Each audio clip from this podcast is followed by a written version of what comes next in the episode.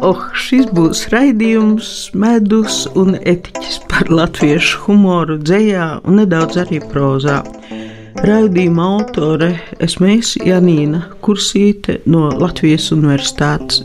Raidījums skanēs otrdienās un piekdienās pulksten 11.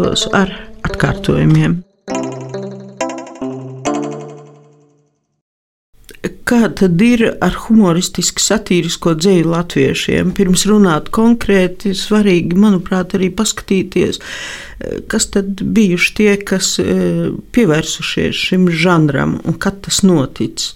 Humora un satīras stīga latviešu dzējā parādās 19. gadsimta vidū. Pirmie mūsu humoriķi un satīriķi ir Jānis Ruģēns, Friedrichs Malberģis, Pērsietis, Adolfs Salonāns ap 19. un 20. gadsimta mīļu dzējā jau var teikt, ka ienāk smalka ironija, jā, arī sarkasms, arī parodiju stils, ko izkopa Edvards Veidenbaums, Rainis, Rudolfs Blaumans, Edvards Streimans Vārguls, arī Melnupju Marija un vēl daži citi jau 1920. un 30. gados.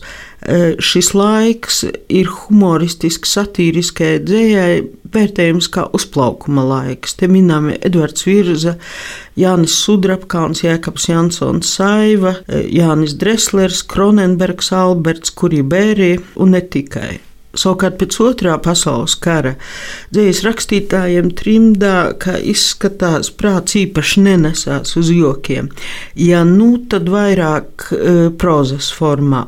Tomēr vairāki spilgti izņēmumi ir gan, un te jāmin tādi mm, vai uzvārdi vai pseidonīmi. Šeit pseidonīms, ar ko sāk Šančs augšupēdis, mm, Lantvīls, Kuraš Krišs, arī Teodors Tomsons, Dzintars Sodums, Ojārs Jēgens, Juris Kronbergs.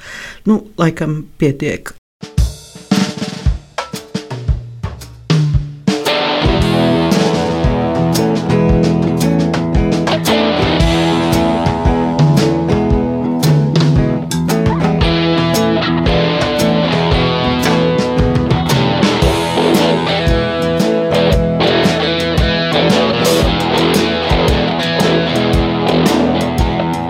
Vai šī nav slavenā Ņujorka? Debesis skrāpja kā vertikālas mašīnu rindas, jeb kā raķetes gatavas atiet uz prezidenta pavēli, un mašīnas kā mākslīgi baļķi sastingušā upē. Es iegāju ārā un iedzēru glāzi Ņujorkas. Nēģeriete aiz letes, balta zobu rinda, acis kā dziļas akas kaut kur dienvidos, un krūtis, kas šūpojās saulu balādes ritmā. Yeah, brother, šī ir slavenā Ņujorka. Es skrēju caur Greenidža ciema šaurajām ielām, kur cilvēkus pārnotās domas bija ceļa zīmes uz visurieni, bet mūzika tramplīns. Piektā avēnijā kāda vecāka dāma, ziliem matiem, melnu pūdeli un baltu šoferi iekāpa savā milzīgajā melnā limuzīnā. Anekdots bija pārvērties par īstenību.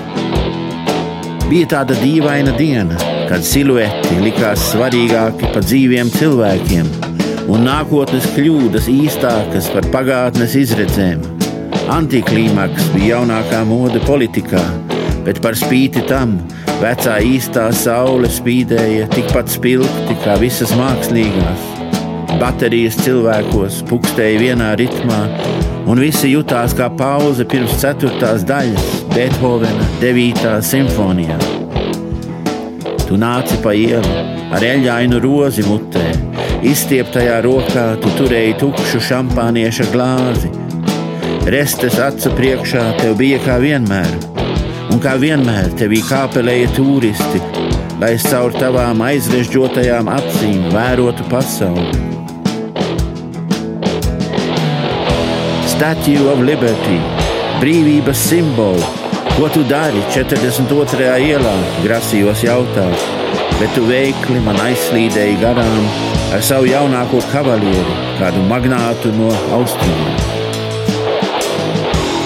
Sastimdzis vēroja tevi aizējām.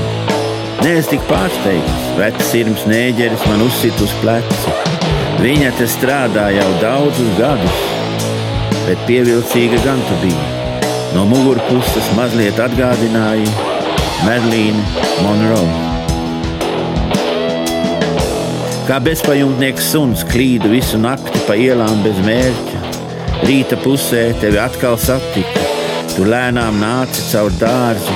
Pirmīt izstieptā roka tev bija ļengana un tukša. Tu apstājies, paskatījies uz mani un teici: Well, you know how it is. Jā, es atbildēju, tā jau laikam ir. Un rīts iespiedās starp mājām, kā saules stars.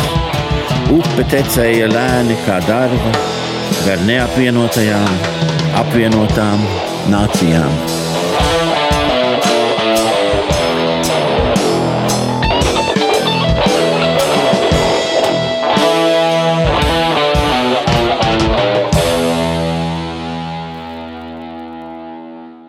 Latvijā, kas uz 50 gadiem varmācīgi pārtapa padomijā, joki bija vēl mazāki. Par sadzīves nebūšanām ierobežotos, ja tā var teikt, humora aplokos rakstīja Pēters Sils, Valdis Artaus, Un liekas, ka viss ārpus šiem aplokiem iespēja izkļūt 70. gados Ojārs Vācietis ar dzēlīgu saturu, ko, protams, toreiz nedrukāja. Cenzūra paliek cenzūra. Epizodiski arī Imants Ziedonis, Knuts Skujnieks, Jānis Rokpelnis. Atsevišķos ekspromptos arī mirdza ķempe. Jau nākamās dzinieku paudzes, kurai piederēja un pieder Egils Zirnis, Māris Melgals, Klaus Elsbergs, Andris Žebers, Inese Zandere, Gunters Godiņš. E, šīs paudzes dzēja ir jau ironijas un sarkasma piesātināta.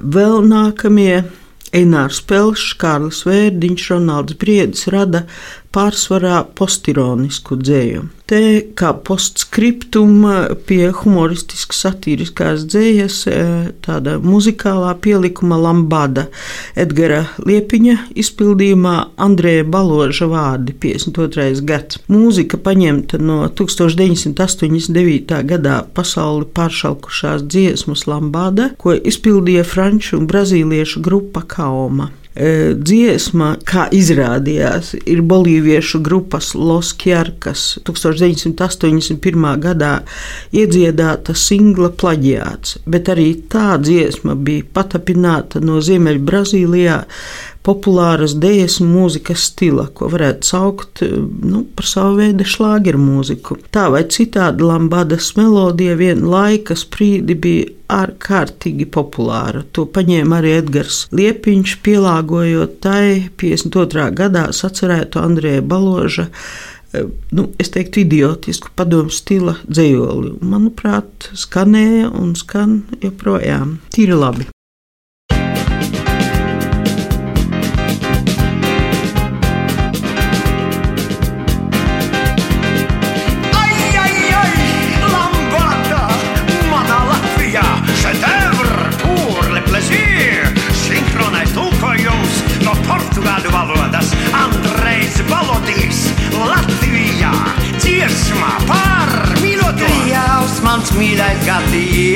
Gadījies, traktorā tas brauc.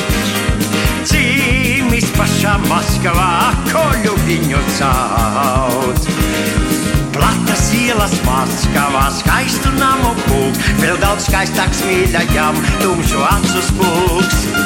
Platas ielas Maskavā, skaistu namu pūks, vēl daudz skaistāks mīļajam, tumšu acu spūks. Mani krievu valodā mīlētam viņš augs. Atbildēšu latviski, tu man dārgais draugs.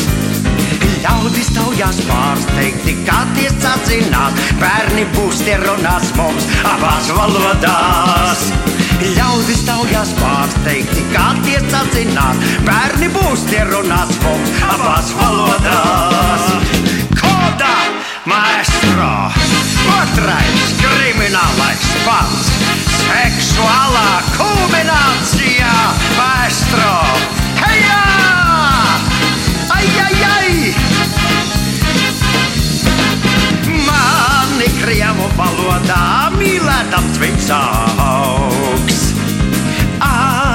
Atbildēšu latviski, tu man dārgais draugs. Ļaudis taujās pārsteigti, kā tie sadzināt. Bērni būs tie runās mums apāc valodās. Ļaudis taujās pārsteigti, kā tie sadzināt. Bērni būs tie runās mums apāc valodās.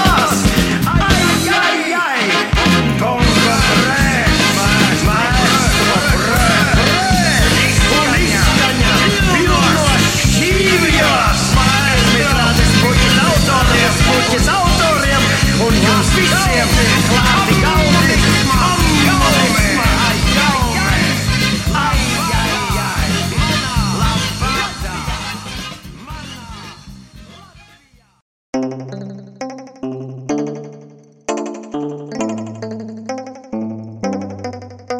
Jūs klausāties raidījumu ciklu Medus netiķis, latviešu humoristiski satīriskā dzēja. To vadu es, Janīna Kursīte, Universitātes humanitāro zinātņu fakultātes profesore. Raidījumā skanēs dzēja, smiekli, anekdotas smiekli un vispār smiekli un smaids.